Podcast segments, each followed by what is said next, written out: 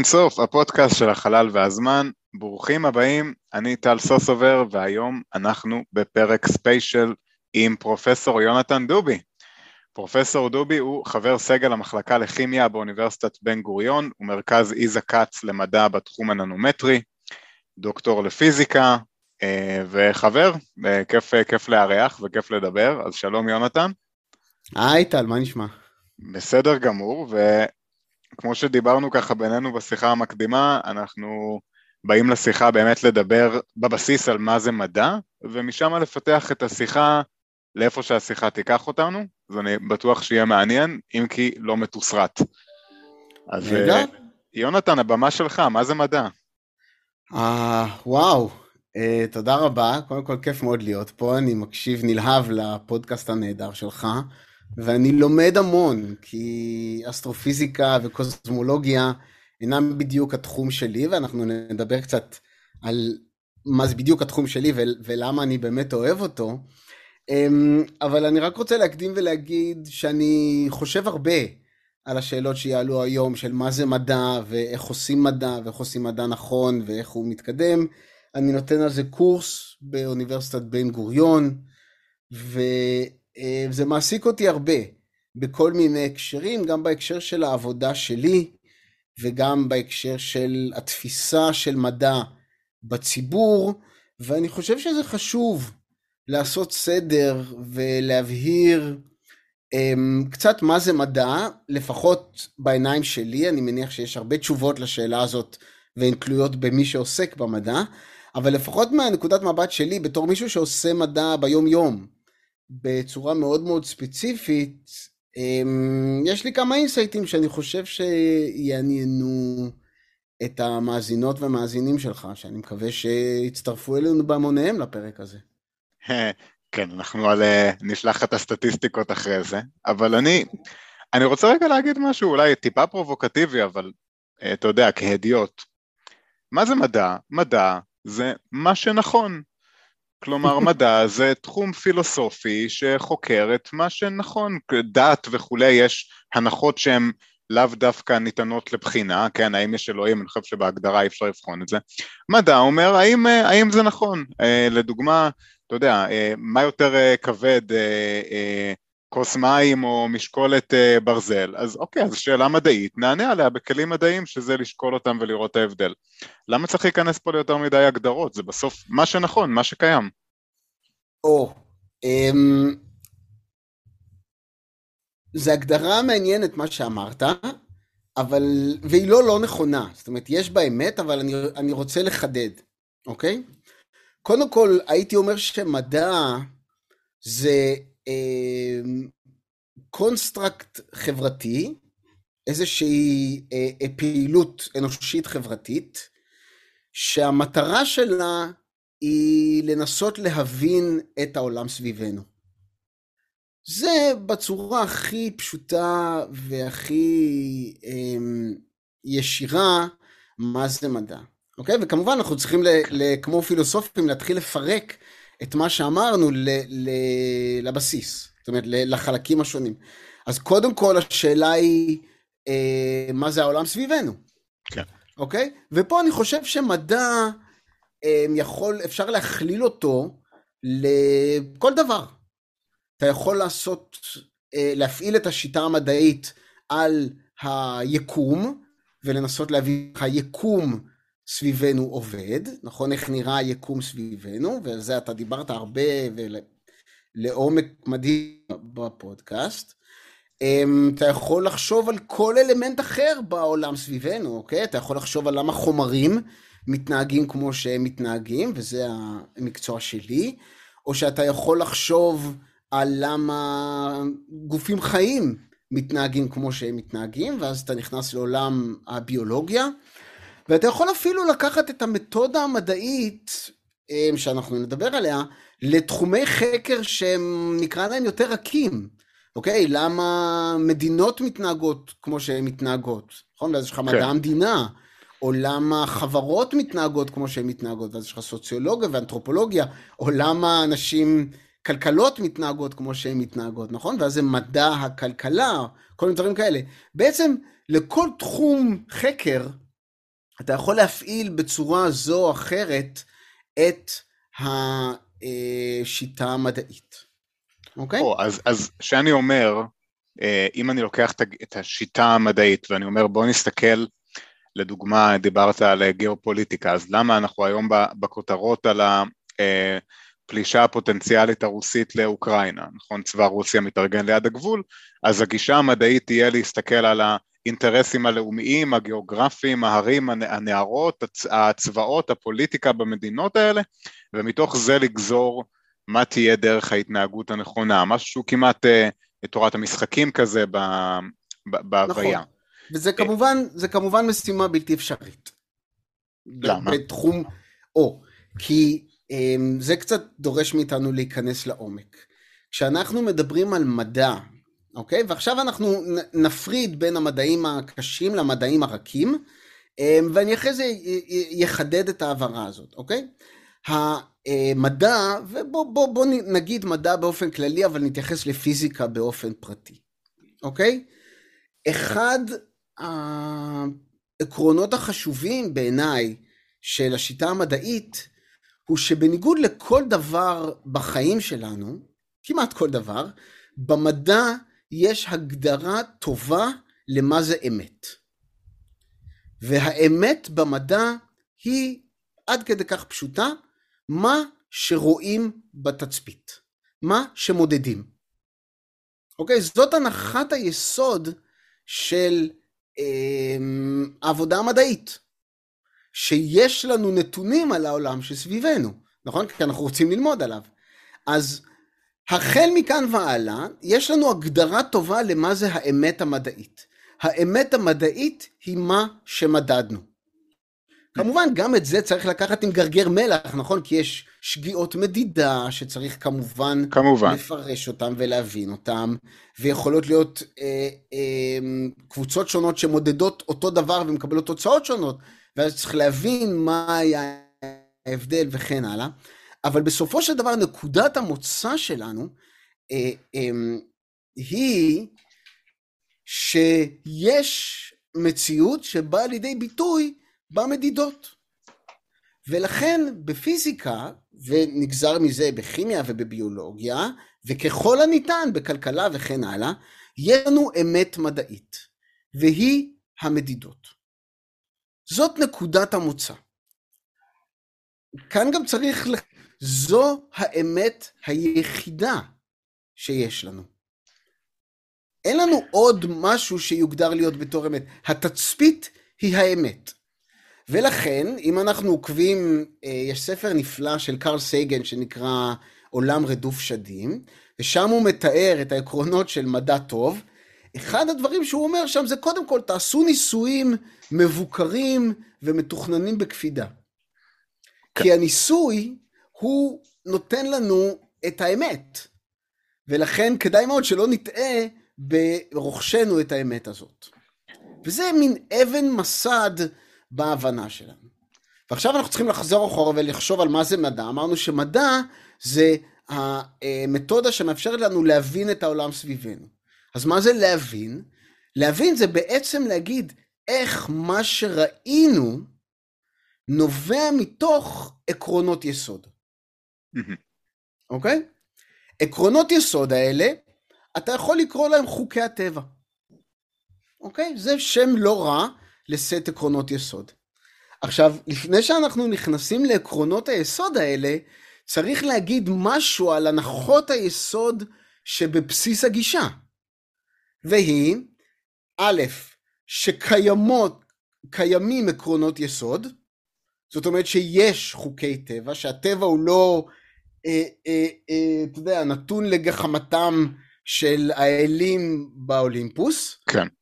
אם נכון? כי את חוקי היסוד האלה, האם אנחנו מניחים שאנחנו לא יודעים את ההסבר להם? כן.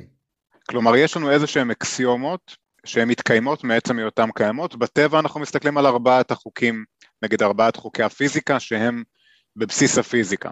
ועליהם אנחנו לא יכולים להטיל ספק, נגיד, מעבר ללמדוד אותם. אין, אין לנו טעם להטיל ספק בהם, אוקיי? אז. אז, אז אני אחדד שוב. האקסיומה הראשונה של המדע היא שקיימים חוקים, נכון?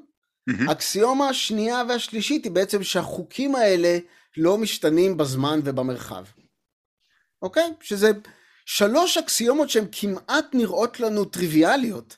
כי כן. כשאנחנו, אתה יודע, מי שעושה מדע כל יום, הרי זה מה שאנחנו עושים. אבל זה לא טריוויאלי. כן. אוקיי? זה, זה לא סתם לא טריוויאלי, זה גם רעיונות די חדשים. מהמם. נכון? הם, הם אי שם בסביבות אלפיים שנה או שלושת אלפים שנה מסתובבים, התחילו אצל היוונים, אצל אריסטו, אבל זה טריק די חדש כדי להבין את המציאות. כן. נכון? לפני זה, ועוד הרבה אחרי זה, בני אדם מתפללים לאיזושהי אה, אה, אלוהות, או איזשהו סט של מילים, לוקאליים או גלובליים, ואומרים תשנו לנו את הטבע בהתאם למה שיהיה לנו טוב. כן. אוקיי? אז המדע אומר לנו דבר ראשון, יש אמת אובייקטיבית, שהיא התצפית, או המדידה, ודבר שני, יש סט של חוקי יסוד, חוקי טבע אקסיומטיים, שמהם תיגזר כל תצפית שאנחנו רואים. אוקיי? אוקיי. ובעצם, אם אתה צריך לסכם מה עושים פיזיקאים או מדענים בכלל רוב הזמן, אוקיי? בטח בעולם הפיזיקה, רוב הזמן מה שהם עושים זה מסתכלים על תצפיות. ומנסים להבין איך הן נובעות מחוקי היסוד של הפיזיקה. איך אנחנו נכון. מגיעים מחוקי היסוד של הפיזיקה למה שאנחנו רואים בעיניים בסוף. בדיוק. עכשיו, הדרך הזאת היא לפעמים דרך חתחתים, כי חוקי היסוד של הפיזיקה הם, אתה יודע, הנדפול, חמישה במספר. מה יש לנו? יש לנו את חוקי השימור, נכון? חוק שימור האנרגיה, חוק שימור המסה, שזה פחות או יותר אותו דבר, כן. חוק שימור המטען, חוק שימור המטען הבריוני, כל מיני הדברים האלה. נכון? זה אוסף חוקים אחד. כן. החוק השני זה הקביעות של מהירות האור, מהמם. נכון? מה שנקרא חוק איינשטיין, זה שמהירות האור היא מספר קבוע ללא קשר לצופה, כן, נכון? בתורת היחסות הפרטית. זה תורת היחסות הפרטית. תורת היחסות הכללית כמעט נגזרת מזה. היא, היא למעשה נגזרת מזה, היא, אבל, היא אה, למעשה נגזרת מזה, נכון? אבל אם לאיינשטיין לקח עשר שנים, זה, זה לא, זה לא, לא אינטואיטיבי לא, לכל לא, אחד זה לא מאיתנו, אינטואיטיבי אבל. אבל בסוף הם, אה, כמובן ההוכחה היא שהיא נגזרת מזה. נכון. כן. אה, אה, עקרון הגרביטציה, שעל פניו אני חושב שהוא, שהוא נלקח כ, כאקסיומה, נכון? שבסופו של דבר שהעיקום של המרחב או שהמשיכה היא פרופורציונית למכפלת המסות ודועכת כמו הרדיוס בריבוע, זאת לא תוצאה של שום תיאוריה, נכון. נכון? היא, היא בעצם אנחנו, כמובן, שוב, יש לנו בסוף את ה... כמו שדיברנו, הנגזרת של איך אתה מגיע מתורת היחסות, אתה יכול להגיד שזה כלול בסוף בהתנהגות של, אה, של אור. נכון. אה, כלומר, אוקיי, בסוף, אבל- בסוף אבל זה זה לא נובע מסובך. מזה, אבל- אבל נכון. נכון? יש לנו את שני ההנחות, שני חוקי הטבע של המכניקה הקוונטית, נכון? אחד זה עקרון אי, הוודאות, כן. נכון? שממנו נגזר קבוע פלנק, מהמם. אמ, ויש לנו את עקרון האיסור של פאולי, ויש לנו, אם תרצה, את החוק השני של התרמודינמיקה. כן. וזה בגדול מה שיש. זה. הכל. אלה חוקי הטבע. כן. אוקיי?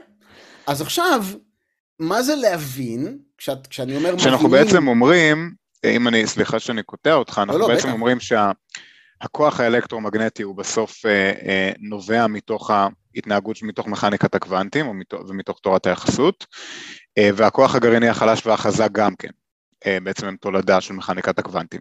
נכון, הם תולדה של מכניקת הקוונטים. כן. נכון? ובעצם, אם אתה רוצה להגדיר חוק טבע בצ...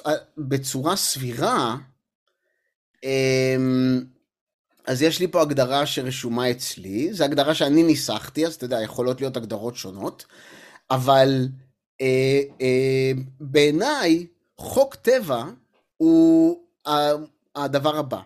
זה עיקרון כללי שהוסק מתוך תצפיות רבות, אינדיפנדנט, זאת אומרת, אה, אה, שלא תלויות זו בזאת ונעשו על ידי אנשים שונים.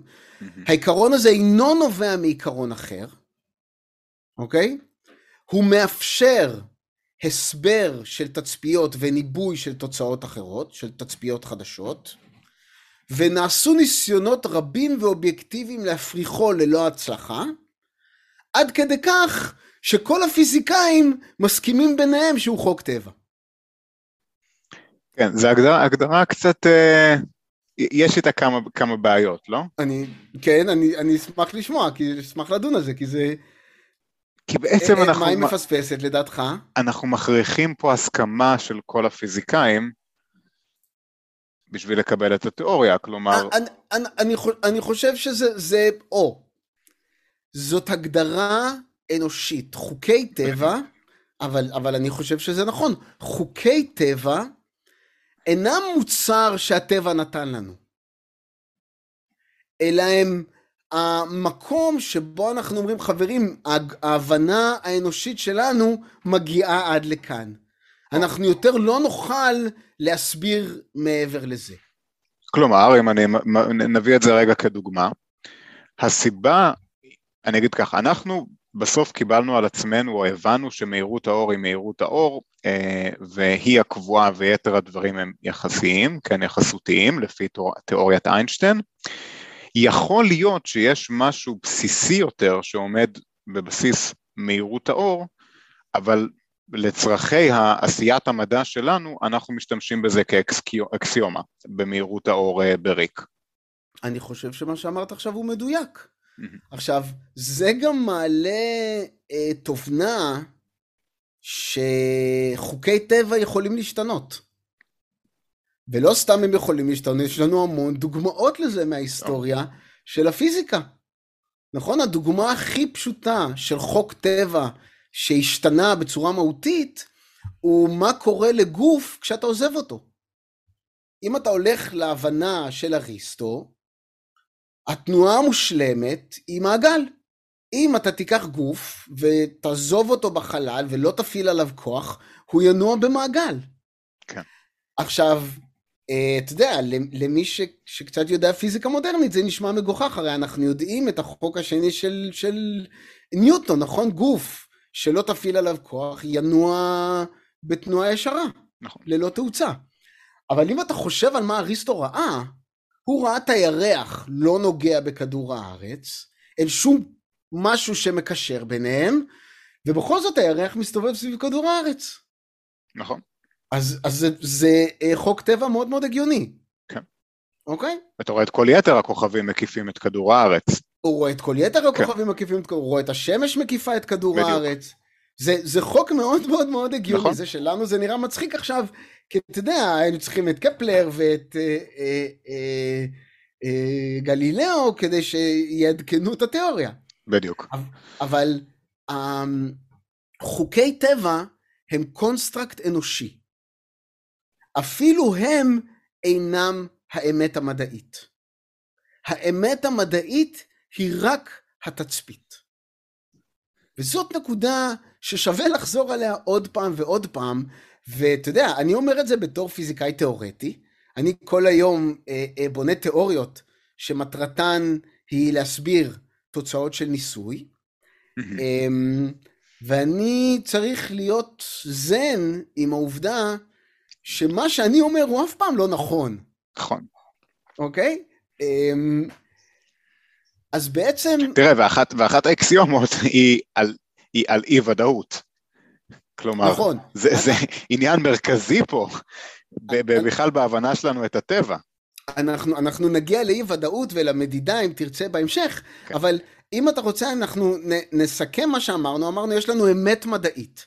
האמת מדעית היא התצפית, אוקיי? המדע הוא הניסיון ה... אה, אה, אני רוצה להגיד נאצל, רומנטי, יפהפה באמת, של האנושות להבין את האמת המדעית. וכשאנחנו אומרים להבין, אנחנו מתכוונים איך התצפית נגזרת מתוך מה שאנחנו חושבים שהוא עיקרון יסוד, או חוק טבע. כן. אוקיי? אז איך עושים את זה? כאן יש מבנה אה, אה, מובהק. יש תצפית מדעית. יש אמת מדעית, זה התצפית, מה שמודדים. נכון? מה מודדים? בלו שיפט של גלקסיות שמתרחקות. נכון. אוקיי? זאת דוגמה, נכון? אתה מודד גלקסיה, בא אחרי שבוע, מודד, אתה רואה שהתדר זז קצת לכחול. הנה דוגמה, אוקיי? או הספקטרום של השמש, או זרם דרך מולקולה, אם אתה הולך לתחום שלי. יש איזה מדידה. ואז אתה לוקח את חוק הטבע שלדעתך הוא רלוונטי, ובונה בעזרת תיאוריה קישור בין חוק הטבע, נכון? תורת היחסות הפרטית, חוק שימור האנרגיה וכן הלאה, אתה בונה קישור לתצפית. אתה אומר, הנה, בגלל שמהירות האור היא קבועה, והמטריקה של היקום מתרחבת, האור יוזח לכחול. או כן. משהו כזה. נכון? כן. בעצם ואז... הפוך, כן? כאילו זה, כחול זה לגלקסיה מתקרבת. הפוך, כן. לא משנה, רואים זה, אדום, זה... על אנדרומדה אנחנו רואים אותה כחול, כי היא מתקרבת כן. אלינו, לדוגמה. אוקיי.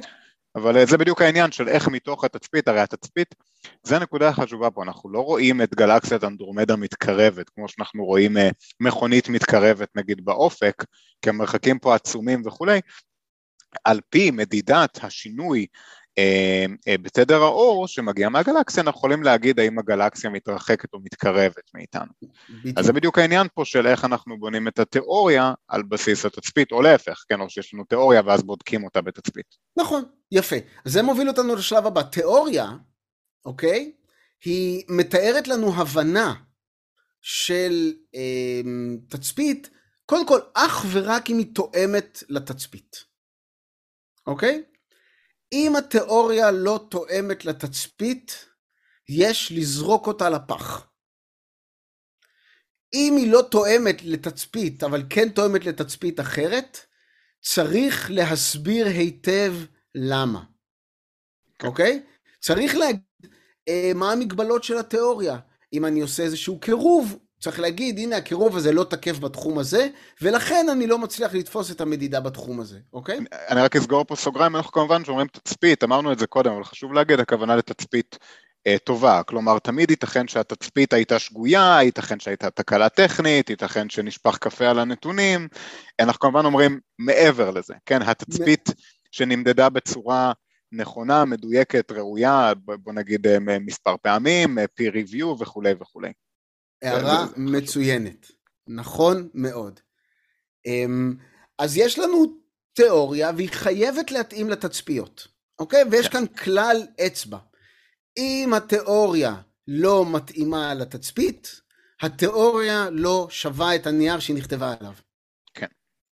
אוקיי? ואני רוצה להגיד לך שבמשך חייו של תיאורטיקן, הדבר הזה אמור לקרות כמה וכמה פעמים. אוקיי? אני יכול לספר אה, סיפור על עצמי, שדיברנו קצת לפני, ה, לפני ההקלטה. אני ביליתי שנה בלוס אלמוס, אה, ב, ב, במעבדה הלאומית בלוס אלמוס. עכשיו, המקום שבו אני הייתי בו נראה כמו אוניברסיטה קטנה.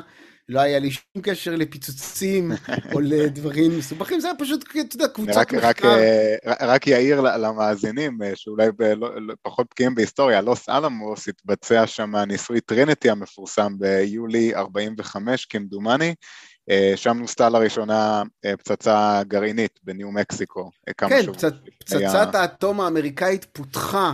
בלוס אלמוס, אני הייתי במשרד של אה, אופנהיימר, שהוא היום מוזיאון קטן, זה מקום מאוד מאוד כיפי להיות בו. אמ, אם מזדמן לכם ש... לניו מקסיקו. מה? אם מזדמן לניו מקסיקו, אז... אה, אם מזדמן לכם לבוא לניו מקסיקו, לוס אלמוס היא יצירת חובה, בוודאי למישהו, שיונדו, אה, זה מקום לא יאומן, הוא גם יפה מאוד. זהו, סליחה, לקחתי אותנו רגע הצידה. לא, לא, זה fair enough, אתה מביא אותי, המאזינים לא רואים את החיוך שיש לי על הפנים כל פעם שאני נזכר, זה מקום מאוד מאוד כיפי, גם מקום מדהים לעשות בו מדע. אמ, ושם עבדתי על איזושהי בעיה שנקראה בעיית הסדר הנעלם, יש איזשהו חומר, אורניום, רוטיניום 2, סיליקון 2, שכשמקררים אותו, הוא עובר מעבר פאזה, רואים את זה בסיגנל של הקיבול חום, ואף אחד לא מבין אה, למה זה קורה. לא יודעים למה זה קורה, זה חומר מאוד מאוד משונה, עד היום לא מבינים. ולנו הייתה תיאוריה מה מאוד... מה זה אומר, סליחה, מעבר פאזה? זה אומר שמשהו בתוך החומר מסתדר. אוקיי? יש איזשהו, איזשהו משהו שפתאום נהיה מסודר. אוקיי? כמו שנוזל הופך למוצק, כן. אז המולקולות או האטומים מסתדרים בצורת גביש, כן. אז גם בתוך מוצקים האלקטרונים לפעמים נוצר ביניהם סדר. כן. אוקיי? והרבה פעמים אנחנו יודעים לזהות את הסדר הזה, ובחומר הזה אנחנו לא מצליחים לזהות מה הסדר שקורה. כן. ולנו היה תיאוריה מאוד מאוד מאוד יפה, באמת תיאוריה יפה, אלגנטית, עם חשבון פשוט, ופרסמנו אותה, וזכינו לציטטות רבות, וכחלק מהתיאוריה הזאת, פרסמנו, כמו שכל תיאוריה אמורה לעשות, פרסמנו סדרה של ניבויים. אוקיי? okay, תעשו את המדידה הזאת, כך וכך יקרה, ואחד לאחד כל הניבויים האלה נכשלו. כן. כולם. עכשיו, אמ, בצר לי, לוקחים את התיאוריה הזאת וגונזים אותה. כן. עכשיו, זה בסדר. התיאוריה הזאת נתנה רעיונות להרבה מאוד אנשים, כיוונים להתקדם ב- ב- ומה למדוד ומה לראות, וזה חשוב. זה חשוב מאוד, אבל צריך להיות אה, אה, מודע לזה כשאתה בונה תיאוריה. קודם כל, חייב לתת ניבוי אה, מעשי. זאת אומרת, שניתן- תיאור... שניתן להפרחה. שניתן להפרחה. הנה התצפית שאתם צריכים לעשות, או הנה המדידה שאתם צריכים לבצע, והנה התנועות שהתיאוריה חוזה שיקרה. כן. בלי זה, התיאוריה היא הרבה הרבה יותר חלשה. זה הרבה אגב יותר- אחת הבעיות שיש, עם- דיברנו על זה בהקשר של תורת המיתרים. שתורת המיתרים, בשביל להפריך אותה, אנחנו נצטרך מאיץ חלקיקים בגודל מערכת השמש. כלומר, זה אפשרי תיאורטית כמובן, אבל לא בכלים שלנו. ולכן עד אז, יש את הציטוט היפה, שאני לא זוכר של מי, שתורת המיתרים היא אפילו לא שגויה. כן, שזה בעצם נכון? הדבר הכי אז- מעליב שאפשר להגיד על תיאוריה מדעית. כשנסיים את, את החלק הזה, אז אני אגיד, זה, זה מייצר איזושהי היררכיה. גם כן. בתוך המדעים הקשים, מייצר היררכיה ששווה לדבר עליה. כן. אז אנחנו עושים תיאוריה, ואז אנחנו חייבים לבדוק את התיאוריה לאור הניבויים שלה. אוקיי? אז, אז שלבי המדע, אם תרצה, ואלה שלבים שחייבים להיות שם. זה אה, תצפית, זאת אומרת, מה האמת המדעית?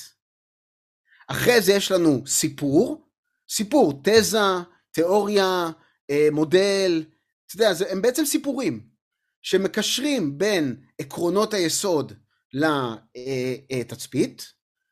הסיפור הזה, המודל, התזה, נותנים לנו אה, ניבוי, והניבוי הזה חייבים לבדוק אותו. עכשיו, אם הניבוי אה, הצליח, זה עדיין לא אומר שהתזה נכונה. זה רק אומר שאנחנו קצת יותר קרובים להבנה של, המ... של, המ... של המציאות. אוקיי? וגם זאת נקודה ש... שצריך להתרגל אליה. אוקיי? של להגיד שאנחנו יכולים להיות טועים. אוקיי? וזה בסדר. אבל אולי אנחנו קצת יותר קרובים אם נתנו ניבוי שהוא אה, שימושי. כן. וכל אחד מהשלבים האלה הוא קריטי למתודה המדעית. כן. אין, אה, כל, אם כל שלב בדרך אה, אה, החסרת ממנו או דילגת עליו, התזה שלך לוקה, או המדע שלך לוקה. ועכשיו, זה באופן טבעי מייצר היררכיה גם בתוך המדעים הקשים, אפילו בפיזיקה. ולמשל, יש תחומים בפיזיקה שאין בהם בכלל ניסוי, יש רק תצפית. כן. נכון? נכון?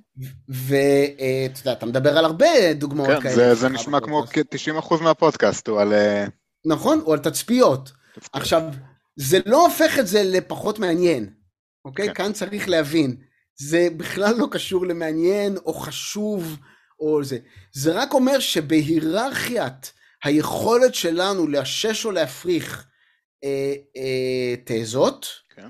הקוסמולוגיה יותר חלשה בעיניי, למשל מפיזיקה גרעינית. ששם יש לנו, כמו שאתה אומר, בבל צ'יימברס ומאיצים ודברים כאלה, ששם יש לנו ניסויים יותר טובים, אוקיי? וגם הם הרבה פחות מוצלחים, למשל, ממכניקת הקוונטים, ומניסויים שבאים לאשש או להפריך מכניקת הקוונטים, בין אם זה ניסויים אופטיים או ניסויים במצב מוצק, בטמפרטורות נמוכות, ששם היום יש לנו יכולת מניפולציה אדירה על המערכת שלנו, ויש לנו הרבה יותר חוגות ניסיוניות.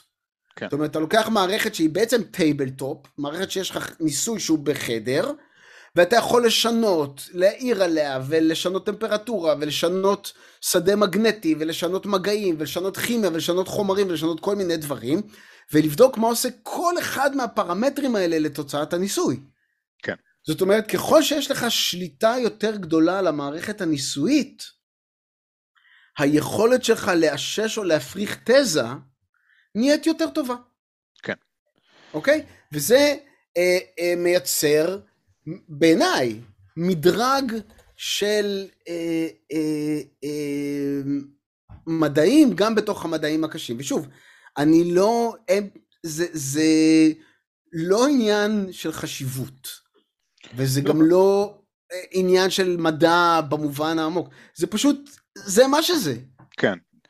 חשיבות קודם כל זה עניין הרבה פעמים סובייקטיבי, נכון? לגמרי. כלומר לאדם שכל חייו הם סביב חקר העכבישים, השאלות במבנה הביולוגי של אה, מערכת העיכול של עכביש הן שאלות הרות גורל, וכנראה שלרובנו לא. נכון. עכשיו, העניין העיקרי שאני רוצה לחדד פה, המודל הזה של תצפית, תיאוריה, לא המודל, סליחה, נגיד המטריה הזאת של... construct, אני קורא לזה construct. תצפית, תיאוריה, סיפור, ואז ניבוי שאנחנו בודקים, אני יכול להקביל את זה לכל דבר בחיים. לדוגמה, תצפית, אני רואה שאמורים להגיע עננים עם גשם היום, אז התיאוריה שלי היא שתהיה גשם, זה הניבוי, ואיך אני בודק את הניבוי? אני מסתכל על הרצפה בכניסה לבית, האם היא רטובה, ואם היא רטובה, אני מניח שירד גשם, וזה לא אומר שירד גשם, זה מה שאמרנו, יכול להיות שהתצפית לא נכונה, יכול להיות שהשכנה מקומה שנייה בדיוק שפכה אה, דלי מלא במים ולכן הרצפה רטובה, אבל זה שהרצפה רטובה מקרב אותנו לאשש את התיאוריה. אם הרצפה הייתה יבשה, בהנחה ששם יורד גשם וכולי, אז אפשר כנראה לשלול את, ה, את התיאוריה הבסיסית שלי שהעננים שמתקרבים אל הענני גשם. בקוסמולוגיה המשחק הזה הוא הרבה יותר מוגבל, כי בקוסמולוגיה יש לנו תצפית, הרבה פעמים תצפית מוגבלת, שאנחנו צריכים לבדוק אותה מול התיאוריה שלנו. ויותר מזה, דיברנו על זה הרבה פעמים בפודקאסט, שהבחינה הרבה פעמים היא אפילו לא מול תצפית, אלא מול מודל, שהמודל הזה רץ על מחשב, שאת תוצאות המודל אנחנו מנסים להשוות לתצפיות של היקום המאוחר יותר. אז בהתאם אנחנו יכולים להגיד האם היקום מתפתח כפי שהתיאוריה ניבאה ואז לנבא כמה היא נכונה. יחד עם זאת, יש לנו הרבה מאוד unknowns unknowns בדרך, וזה אחד הקשיים הגדולים בקוסמולוגיה, דיברנו על זה בהקשר של אנרגיה אפלה, חומר אפל שאין לנו מושג מה הם, אה, דיברנו על זה בהקשר של שאלות על אנטי חומר, ויש עוד הרבה הרבה שאלות של unknowns unknowns, ולכן התיאוריה פה היא כל כך קשה, בניגוד לתיאוריות נגיד יותר קשות, כפי שדיברנו עליהן קודם, שניתנות פשוט למדידה, כלומר אני יכול להריץ עשרה ניסויים בלתי תלויים, ואם כולם יגידו לי אותו דבר על התיאוריה, יש פה טיעון מאוד חזק בעד התיאוריה לעומת התצפית על היקום. נכון, ו... אה, המשך ישיר למה שאתה אומר, הוא האובזרבציה, שהיא אובזרבציה אישית שלי. אני לא חושב שהיא, שכולם יסכימו איתי, אבל אני, אני חש אותה, אני חש אותה אה, בעולם המדעי שאני חי בו, ואני חש אותה גם בעולמות מדעיים אחרים שמשיקים לשלי או שאני מתעניין בהם. והמאזינים יכולים לעשות גוגל ולראות באיזה עוד תחומים אני מתעניין. Um, אני רואה יותר ויותר, um, אני לא אגיד נטישה, אבל הסתמכות פחות ופחות uh, מבוססת על המבנה שתיארנו אותו עכשיו, והסתמכות יותר ויותר חזקה, למשל, על מודלים ממוחשבים. וזה בעיניי אמ, לא טוב. והסיבה שזה לא טוב היא שמודלים ממוחשבים אינם האמת המדעית. אוקיי? מודלים ממוחשבים הם במובן מאוד אמיתי תזה בדיוק כמו שמודל אנליטי, סט של משוואות, הוא תזה, אוקיי?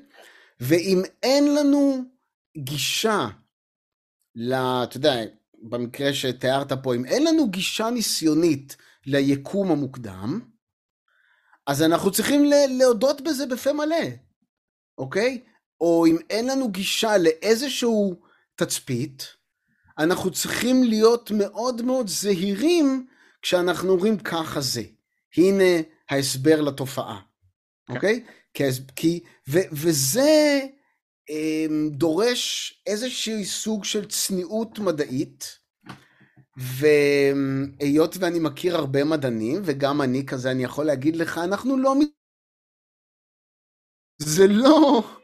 אה, אה, זה לא חלק מדרישות המקצוע. לפעמים להפך. אנחנו רוצים להיות צודקים, ואנחנו רוצים להבין, וכשיש לנו הבנה אישית, אנחנו נוטים לחשוב שהיא ההבנה המוחלטת, ולהסתיר את אי הוודאויות שיש. כן. אוקיי? וזאת הטיה כמעט בסיסית אצל מדענים. גם אני חוטא בה. אוקיי? היות ואני חוקר את התחום הזה וחושב עליו הרבה, אז אני מאוד מאוד מודע להטיות שלי. אבל זה בפירוש לא אומר שאני לא סובל מהם. זה, זה תכונה אומר... מאוד אנושית. וזו תכונה מאוד אנושית, נכון, נכון. איך אנחנו מתגמלים פוליטיקאים שהם אה, אה, טועים? נכון, אנחנו כציבור, אנחנו שמים המון דגש על אה, להיות צודק. אה, וזה מורגש בכל דבר בחיים. אה, מאיך שאנחנו נוהגים, אה, יש שיגידו, אה, והרבה מעבר.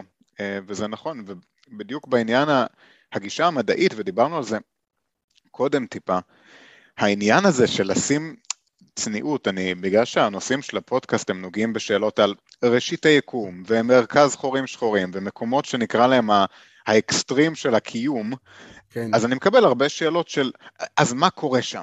אז רגע, אז אוקיי, אתה מדבר מה קרה מיליונית אלפית השנייה אחרי המפץ הגדול, אבל מה קרה ברגע המפץ הגדול, או במרכז החור השחור, או איך נראית סינגולריות, כן? וסינגולריות היא פשוט אין סוף במשוואה, שזה דרך יפה להגיד שאין לנו מושג מה קורה שם. וזו נקודה שחשוב מאוד להבין אותה. המקומות הכי מעניינים ביקום, הכלים שלנו לא יודעים לתאר מה קרה שם. האם זה אומר שהיה שם אין סוף מהכל? לא. זה כנראה אומר שהכלים שלנו פשוט לא שם עדיין, ופשוט לא יכולים לתאר את מה שקורה שם, בדיוק כמו שמשוואות ניוטון לא יודעות להסביר היתוך גרעיני, לצורך העניין. נכון. וזה בסדר, יש לנו עוד דברים ללמוד, אז התיאוריות שלנו היום, כמעט בהגדרה, הן טובות לתיאור המציאות, אבל הן שגויות, כי יש להן גבול מסוים. עכשיו יש פה שאלה פילוסופית, האם אנחנו אי פעם נהיה מסוגלים אפילו תיאורטית לעבור את הגבול הזה, אבל חייבים להכיר בזה, העניין של הצניעות בעבודה המדעית היא, הוא עניין קריטי לעשיית מדע בכלל ובטח מדע ממדעים מדויקים בפרט. ואני אחזק ואני אגיד שיש כאן גם עבודה למנגישי מדע, אוקיי? ואני חושב שאתה עושה את העבודה הזאת מצוין, והרמת את הכפפה במפגש איתי. אמ, אני חושב שיש בציבור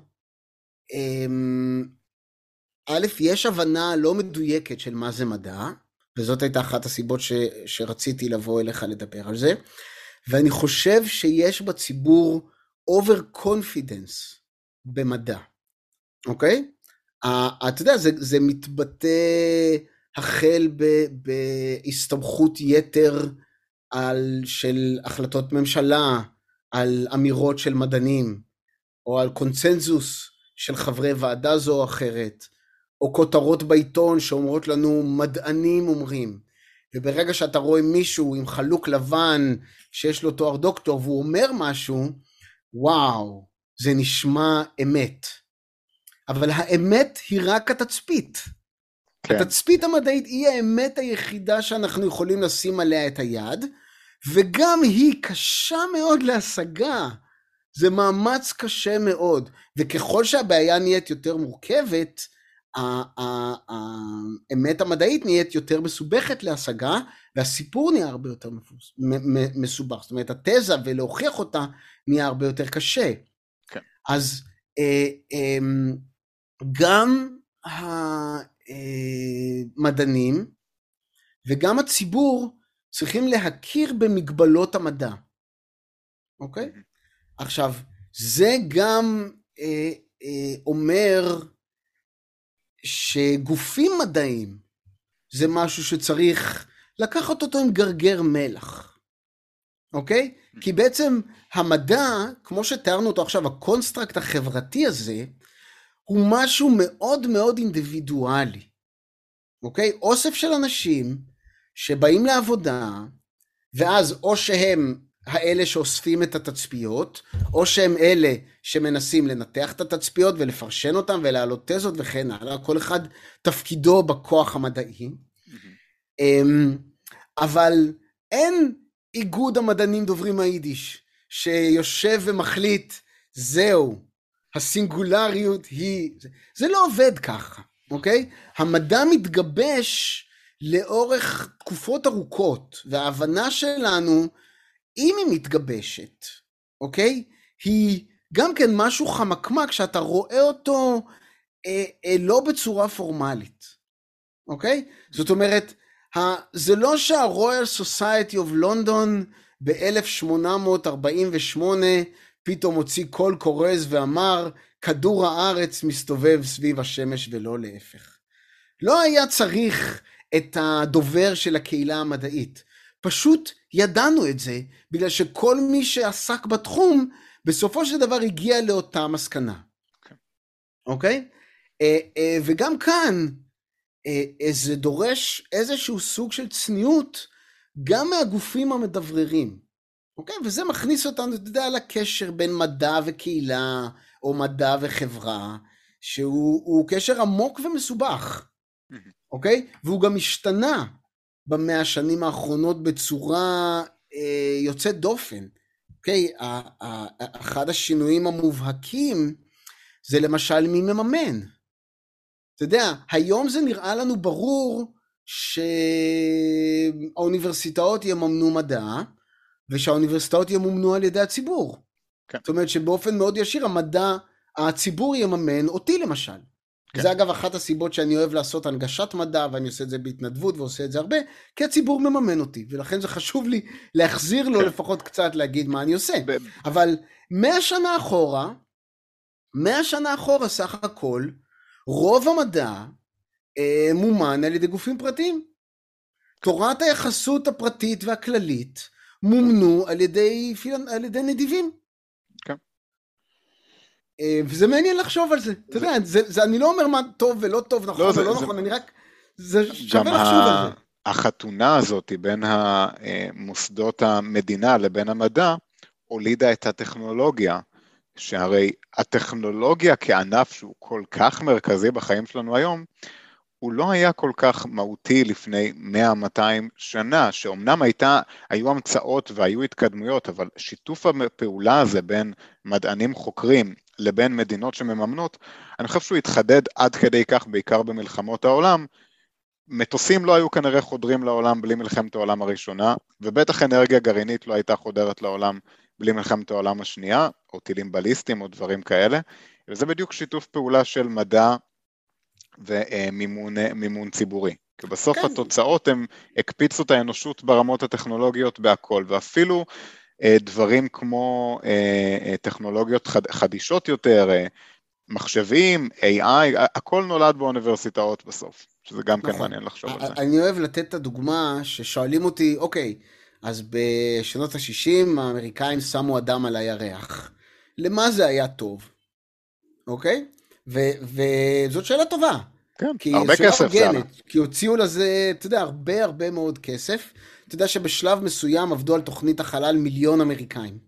בצורה ישירה או עקיפה. מה שמדהים לא שכולם שיתפו פעולה בקונספירציה והסתירו כן. מהציבור את האמת שזה שקר. כן. זה מה שמדהים.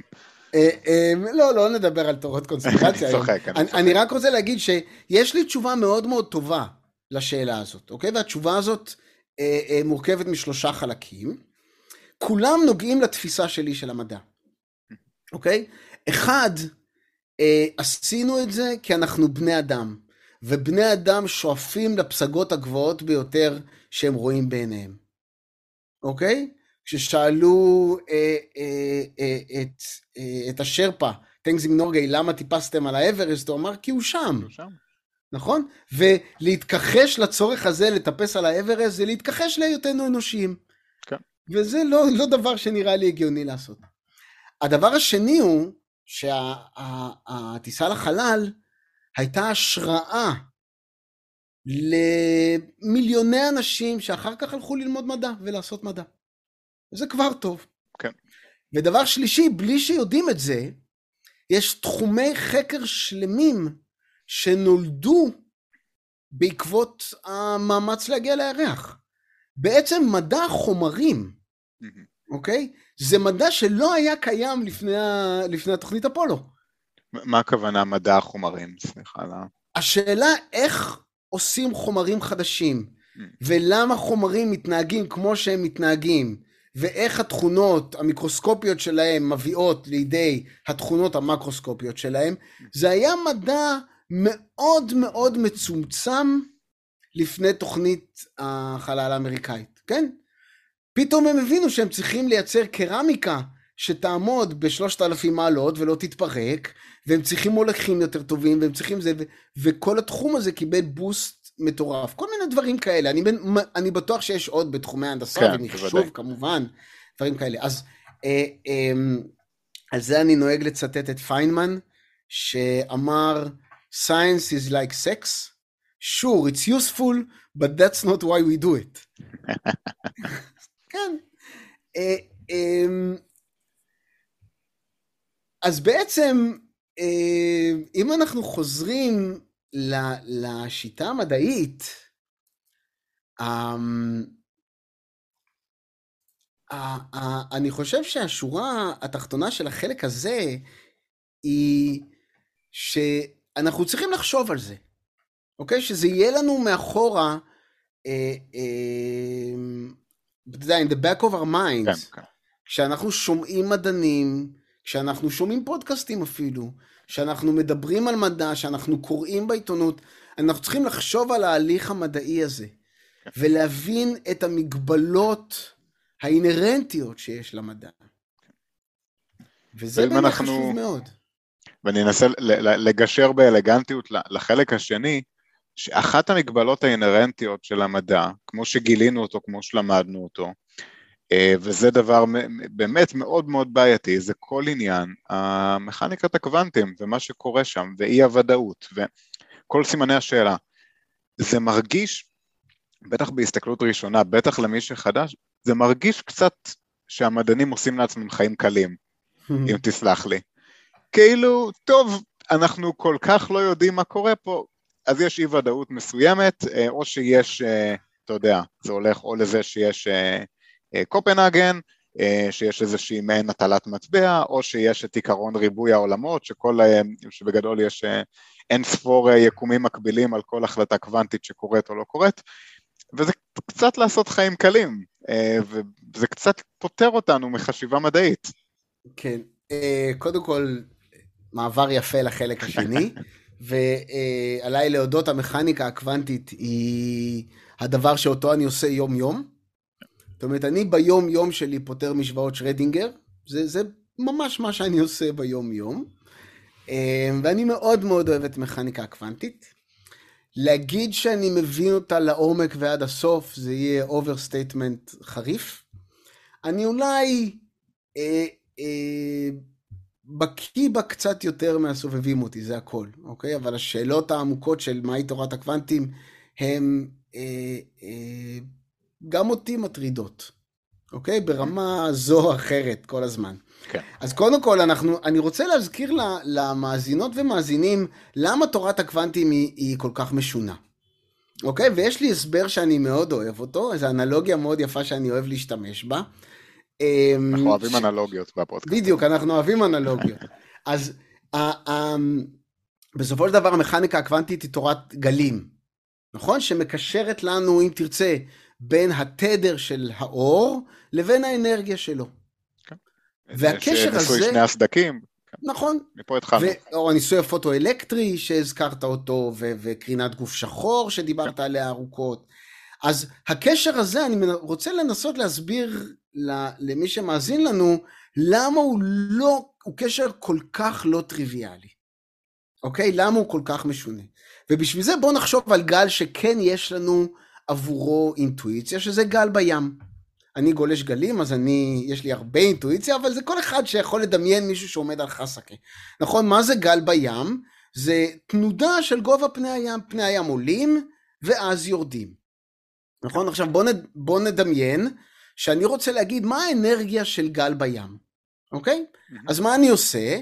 אני לוקח מצוף, או אותי על חסקה, ואני שם, ואני מודד כמה אני זז, נכון? ועכשיו אני אעלה ואז אני ארד, אז הגל נתן לי אנרגיה קינטית, נכון? נכון? ואני יכול להגיד, אוקיי, האנרגיה הקינטית שלי היא האנרגיה של הגל, כי הגל נתן לי את האנרגיה הקינטית הזאת. נכון? נכון? וזה באמת מה שקורה בגלים אה, אה, קלאסיים. כן. אוקיי, עכשיו, אמ, בוא נגיד שיש לי גל מחזורי בים, נכון? כמו גל אור, גל שהוא פרוס על פני הרבה, אז יש לו הרבה פסגות כאלה. דמיינו ביניכם פונקציה שהיא עולה ויורדת ועולה ויורדת, נכון? אז אני עולה ויורד, עולה ויורד, עולה ויורד. כל פעם שאני עולה ויורד אני מקבל, אה, אה, איזה, יש לי איזושהי מהירות, ולכן אני יכול להסיק מזה איזושהי אנרגיה קינטית, כן. אוקיי? אבל משך הזמן שעובר בין כל עלייה שלי זה התדירות, כן. נכון? או אחד חלקי התדירות זה משך הזמן, הוא באופן אינטואיטיבי לא יגיד לנו כמה אנרגיה קיבלתי. נכון. נכון? מה שיגיד לנו כמה אנרגיה קיבלתי זה אולי כמה גבוה עליתי, או לאיזה מהירות הגעתי כשהייתי במהירות המקסימלית, מין מדד כזה. יכול להיות שעובר פעם בשעה גל צונאמי עם המון המון אנרגיה, יכול להיות שיש אלף גלים של אה, סנטימטר אחד, זה לאו דווקא אומר לי שאם יש אלף, אז יש יותר אנרגיה באלף גלים קטנים. נכון מאוד. והקפיצה בין המכניקה הקלאסית למכניקה הקוונטית, היא בדיוק האמירה הבאה. כשחלקיקים הם קוונטים, האנרגיה שהם יכולים לתת לגוף שהם נתקלים בו, לא קשור לגובה שאליו הם יעלו אותו, או לאמפליטודה, אלא דווקא לתדר. הנה מכניקת הקוונטים במשפט אחד. אתה אומר לי שזה לא משנה אם בצונאמי או גל בגובה סנטימטר, מה שאני צריך למדוד זה את התדר, כמה גלים מגיעים בפרק זמן מסוים. נכון. הגובה יגיד לך כמה מהחלקיקים האלה הגיעו. אוקיי? אם יש לך גל בגובה שני מטר או שלושה מטר או ארבעה מטר, זה בעצם בשפה של המכניקה הקוונטית, זה הקוונטות אנרגיה. זה אומר שהגיע לך קוונטה אחת של אנרגיה או חלקיק אחד, או שני חלקיקים או שלושה חלקיקים או ארבעה חלקיקים. אבל האנרגיה של כל אחד מהחלקיקים האלה היא דווקא מתכונתית לתדר שלו ולא לאמפליטודה. עכשיו, וזה נותן לנו גם הסבר כמעט מיידי למה זה קבוע פלנק. קבוע פלנק זה קבוע פרופורציה בין האנרגיה של גוף לבין התדר שלו. כמובן, יש לו פירושים יותר מעמיקים, אבל אופרטיבית, כן. זה מה שפלנק עשה. וכאן בעיניי זה דורש קצת מחשבה, אוקיי? קצת לחשוב על רגע, רגע, רגע. איך זה יכול להיות? אוקיי? דמיינו גל בים, mm. ותנסו לחשוב על מה שאמרנו עכשיו, ואתם תראו שזה לא הגיוני. זה לא הגיוני. אין שום סיבה שזה יקרה. And yet, על פניו נראה שככה הטבע עובד. כשחלקיקים הם אה, אה, קטנים וקרים, חלקיקים קוונטיים, אז האנרגיה שלהם מקושרת לתדר, ומספר החלקיקים מקושר לאמפליטודה. מה שמאוד מאוד לא אינטואיטיבי. אז זה בעיניי אה, אנלוגיה טובה ללמה תורת הקוונטים היא כל כך מסובכת, וללמה היא כל כך לא אינטואיטיבית. כי בעצם אנחנו אומרים כאן, אם אני מתרגם נכון את דבריך, שכל חלקיקים שסביבנו אנחנו יכולים להסתכל עליהם ברמה מסוימת כגלים או כחלקיקים, וככלל אצבע, ככל שהגל חלש יותר, כלומר ארוך יותר, ככה הם יותר חלקיקים. זה לא בלתי מדויק, אבל זה מאוד... וזה קצת פישוט יתר. וזה פישוט יתר, כן, כן זה פישוט יתר, ו- וזה מאוד עדין, אוקיי? כן. אני חושב שההבחנה שלנו בין חלקיקים לבין גלים היא קשורה יותר לחוויה האנושית.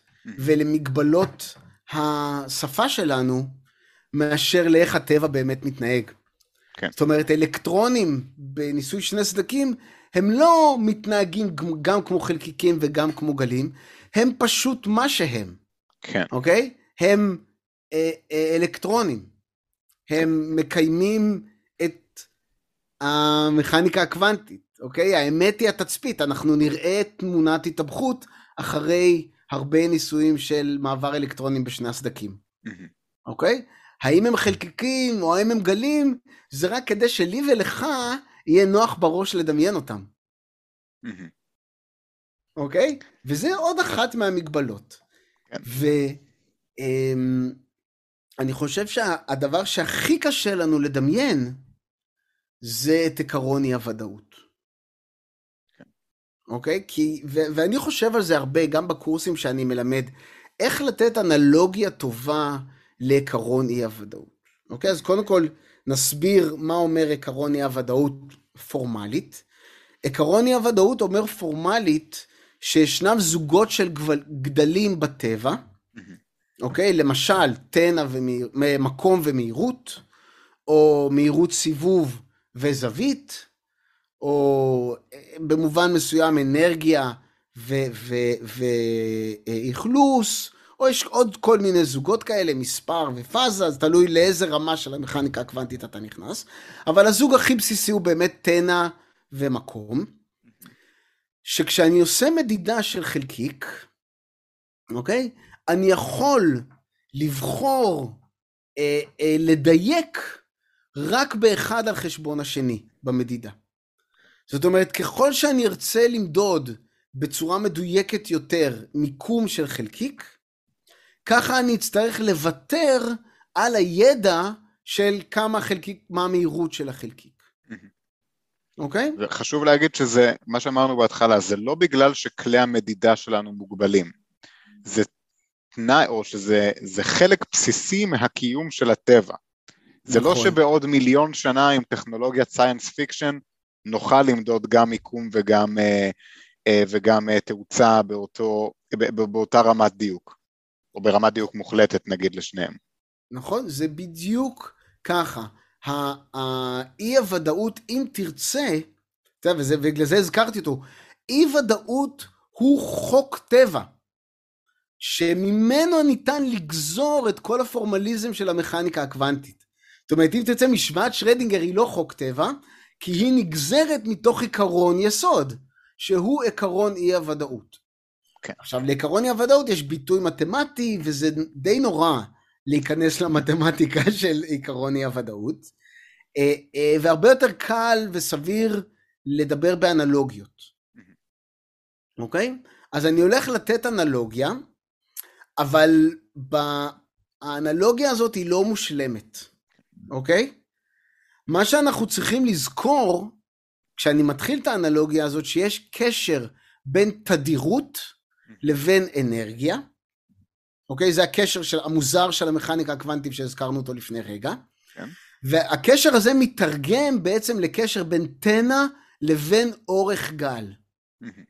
אוקיי? אז... אני אז... אתן רגע רק אה, אפילו לפני את ההקבלה שאנחנו מכירים מהיום יום, או לפחות ממי שמאזין לפודקאסט, על התדר האלקטרומגנטי, שאנחנו אומרים אורך גל קצר, אנחנו מדברים על קרינה חזקה כמו רנטגן או קרינת גמא, ואותה קרינה שהיא ארוכה אנחנו קוראים לה קרינת רדיו או אור נראה, שזה נגיד יותר חזק, ויש את הספקטרום הזה ואנחנו ממש מבינים אולי אנחנו לא, לא מבינים את זה לעומק ביום יום, אבל זה משהו שאנחנו חיים איתו בשלום אה, ביום יום.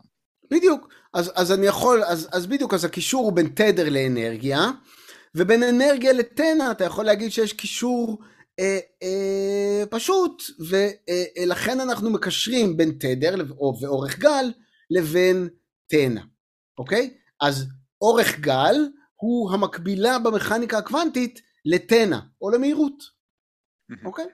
ועכשיו דמיין את הניסוי הבא.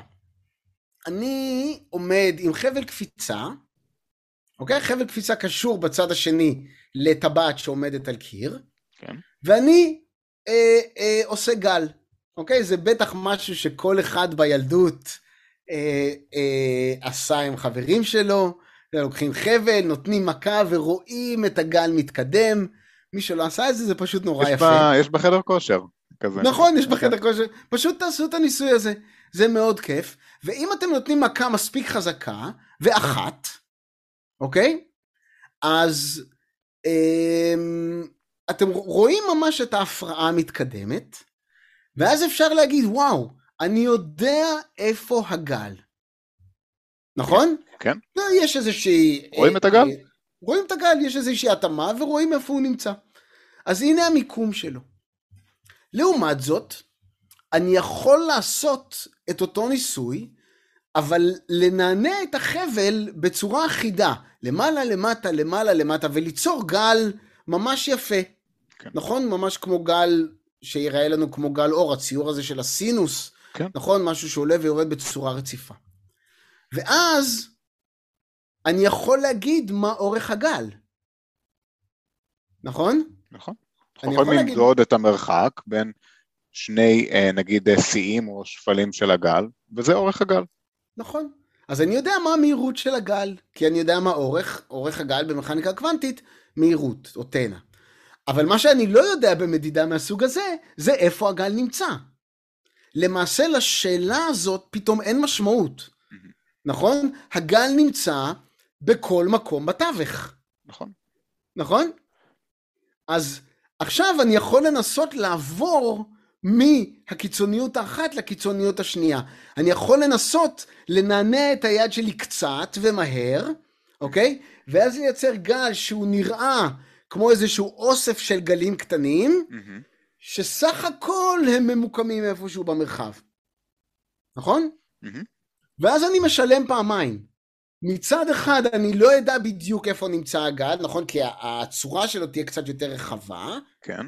מצד שני, אני לא יודע בדיוק מה יהיה אורך הגל, בגלל שזה אוסף של הרבה גלים. כן. אוקיי? אז נהיה לי אי ודאות או במיקום, אה, אה, על חשבון אי ודאות בתדר, או אי ודאות באורך הגל. כן. אוקיי? וכשאני עובר מהגבול האחד לשני, מסתבר שיש קשר מתמטי שתמיד נשמר. המכפלה בין הרוחב של הגל, כשאני עושה מכה אחת, כן. שזה אומר לי מה השגיאה שלי במדידת המיקום, אוקיי. לבין השגיאה שלי במדידות התד... האורך הגל, המכפלה הזאת היא קבועה. אז זה אנלוגיה, אני מודה, לא מוצלחת מדי, אבל זה באמת כמעט הכי טוב שאני יכול לעשות לעקרון אי הוודאות. אני חושב שבאמת יש פה משהו שהוא כמעט, אה, שבדיוק כמו שדיברנו עליו בהתחלה, שאם אתה עושה, זו לדעתי תיאוריה שכן, היא כן אנלוגיה מצוינת במובן הזה של אם אני רואה גלים כאלה שאני עושה עם החבל, אז הש... אני יכול למדוד את האורך וכולי. השאלה של איפה הגל נמצא, זה לא שאני לא יכול לדעת אותה כמו שהיא פשוט מיותרת. כלומר, העניין של אי הוודאות כאן מדגים לנו למה זה, אה, למה זה באמת אפילו שאלה כמעט חסרת משמעות, ברגע שאני יודע אחד מהם לדעת את השני, שזה לדעתי האינטואיציה החשובה כאן, יותר מאשר עניין המדידה פר סה. נכון, השאלה עצמה, זה, זה, זה, זה מדויק מאוד, אבל קשה מאוד לעכל את זה, את מה שאמרת. השאלה עצמה לא מוגדרת היטב. אני לא יכול לדעת מיקום וחלקיק של, מיקום ותנע של אותו חלקיק, אוקיי? והקסם הוא, שזה כמו שאמרת, זה בנוי עד כמה שאנחנו יודעים, ל-fabric of the universe. זה חוק טבע עצמאי. הוא לא נגזר מחוקי השימור, הוא לא נגזר משום חוק בסיסי לו. כן. אוקיי? ועד כמה שאנחנו מנסים, אנחנו לא מצליחים למצוא הפרות של אה, אה, אי הוודאות. זאת אומרת, אפשר למדוד היום את אי הוודאות בצורה מאוד מאוד מאוד יפה במערכות קוונטיות מאוד מדויקות. כן. ואנחנו, אמ, האמת היא שאנחנו אפילו לא מתקרבים לגבול, זאת אומרת, קשה מאוד להתקרב לגבול אי הוודאות. כן. אנחנו מאוד רחוקים מגבול אי הוודאות. למה אה, בעצם? אה, למה זה... בגלל שמספר פלנק הוא מספר מאוד מאוד קטן, אוקיי? אחת הסיבות שהמכניקה הקוונטית היא כל כך לא אינטואיטיבית, הוא שאי הוודאות הזאת היא מאוד מאוד קטנה. אנחנו, זה אמנם אנחנו, אנחנו לא יכולים ל, ל, לדעת את שני הגדלים האלה, מיקום וטנא למשל, באותו מדידה לדיוק אינסופי, אבל אנחנו כן יכולים לדעת אותם לדיוק ככה שמכפלת השגיאות היא בסביבות 10 במינוס 34. כן, שזה מספר אה, כל כך קטן, שאפשר לקרוא לו 0 בלי... נכון. בלי, בלי נכון, להרגיש רע. אנחנו צריכים לעבוד מאוד קשה כן. כדי להגיע אליו. זה קצת, okay? אוקיי? אני, אני רוצה לתת את האינטואיציה המקבילה, מכניקת הקוונטים לתיאוריה של הקטן ביותר, אה, נגיד ככה. המקבילה השנייה זה למשל תורת היחסות, אם אנחנו מדברים על עיכוב זמן כתוצאה מכבידה. עכשיו כרגע על כפות הרגליים שלי מופעלת יותר כבידה מאשר על הראש שלי, כן, הן יותר קרובות למרכז כדור הארץ, אבל אנחנו מתעלמים מזה, נכון? אנחנו בכלל מתעלמים מהשפעת הכבידה של כדור הארץ על, אה, על הזמן שלנו, כי אפילו כדור הארץ משפיע מעט מאוד, וזה לא רלוונטי ליום יום שלנו. באותה מידה מכניקת הקוונטים היא רלוונטית מאוד לדברים הרבה הרבה יותר קטנים אפילו מאטום. כאילו אטום פה הוא ענק, וזה לא רלוונטי לחישובים הכימיים של אטום, אלא אם כן אתה תגיד אחרת, אני מניח שלא, אני מניח שיש אה, מקומות שזה נהיה מאוד רלוונטי. בדיוק, אז, אז בכימיה למשל צריך להתאמץ מאוד כדי לראות את המכניקה mm. הקוונטית, וחלק גדול מהכימיה אנחנו יכולים לעשות אותה ולהבין אותה. זאת אומרת, להסתכל על תצפית, כן. למשל תגובה כימית, להראות, אה, להגיד למה זה קורה, לעשות ניבויים ולמדוד אותם, ולעשות את כל הסיפור הזה בצורה די קונסיסטנטית, בלי בכלל לדבר על המכניקה הקוונטית. אבל, למשל, אם אנחנו רוצים להסביר את הטבלה המחזורית, mm-hmm. אנחנו נאלצים להשתמש במכניקה הקוונטית. כן. אוקיי? אין לנו הסבר יותר טוב לטבלה המחזורית מאשר המכניקה הקוונטית. ושם קוו פלנק מקבל אה, ביטוי ממשי מאוד. זאת אומרת, על אף שאי אפשר להגיע לרמת מדידה, למספר הזה יש אימפליקיישנס, uh, uh, יש השלכות על גדלים מקרוסקופיים שאנחנו כן יכולים למדוד אותם, ובעיניי זה אחד הקסמים של המכניקה הקוונטית בפרט, ושל התחום הזה שנקרא כימיה קוונטית בכלל. אה, כימיה קוונטית ותיאוריות קוונטיות של חומרים, זה באמת המקומות שבהם המכניקה הקוונטית. שקשה אה, אה, מאוד לראות אותה בניסויים פשוטים, באים לידי ביטוי בגדלים מקרוסקופיים, אוקיי? ואני תמיד נותן את הדוגמה הזאת, אוקיי? כל מי שראה את הטבלה המחזורית, לי זה קרה בגיל מאוחר, כי אני התחנכתי כפיזיקאי, אבל אני ממליץ לכל אחד לרוץ ולראות אותה. יש שם אוסף של מספרים. ש, שהם מספרי קסם 2, 10, 18, 32 וכן הלאה, זה המספרים האטומיים של היסודות האציליים, אוקיי? ועולה שאלה מאוד מאוד בסיסית. זה הטור, הטור השמאלי. השמאלי או הימני, תלוי איפה אתה מסתכל על זה, כן. כן. אמ, ושאלה מאוד הגיונית, מה פתאום כשיסוד שוקל פעמיים או עשר פעמים או שמונה עשרה פעמים אטום המימן, למה פתאום הוא לא עושה כימיה? כן. אז זה בדיוק כרגע יסודות אצילים, אנחנו מדברים על יסודות שהם לא משתתפים בתגובות כימיות, לדוגמה הליום, דוגמה שאני אוהב, הליום זה על שם השמש, כי נכון. גילו אותו על השמש לפני שגילו אותו מכדור הארץ, עד כדי כך הוא לא, הוא לא משחק איתנו. נכון, אה, נכון, ומסתבר שאתה יכול לקבל הבנה כמעט מיידית של המספרים האלה, אם רק תפתור את משוואת שרדינגר של אטום המימן. וואו. עד כדי כך. זו תופעה יוצאת דופן, ואני כל פעם שאני מלמד את זה, אתה, אתה גם רואה אותי בווידאו עכשיו, כל פעם שאני חושב על זה אני מתרגש מחדש.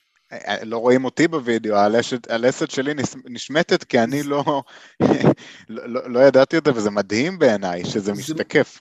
יש לך זה... דרך להסביר את, ה, את, ה, את החיבור ביניהם בצורה שהדיוטות כמוני יבינו, או שזה משהו הרבה אה, יותר מתמטי ועמוק? זה, קודם כל זו תוצאה מתמטית.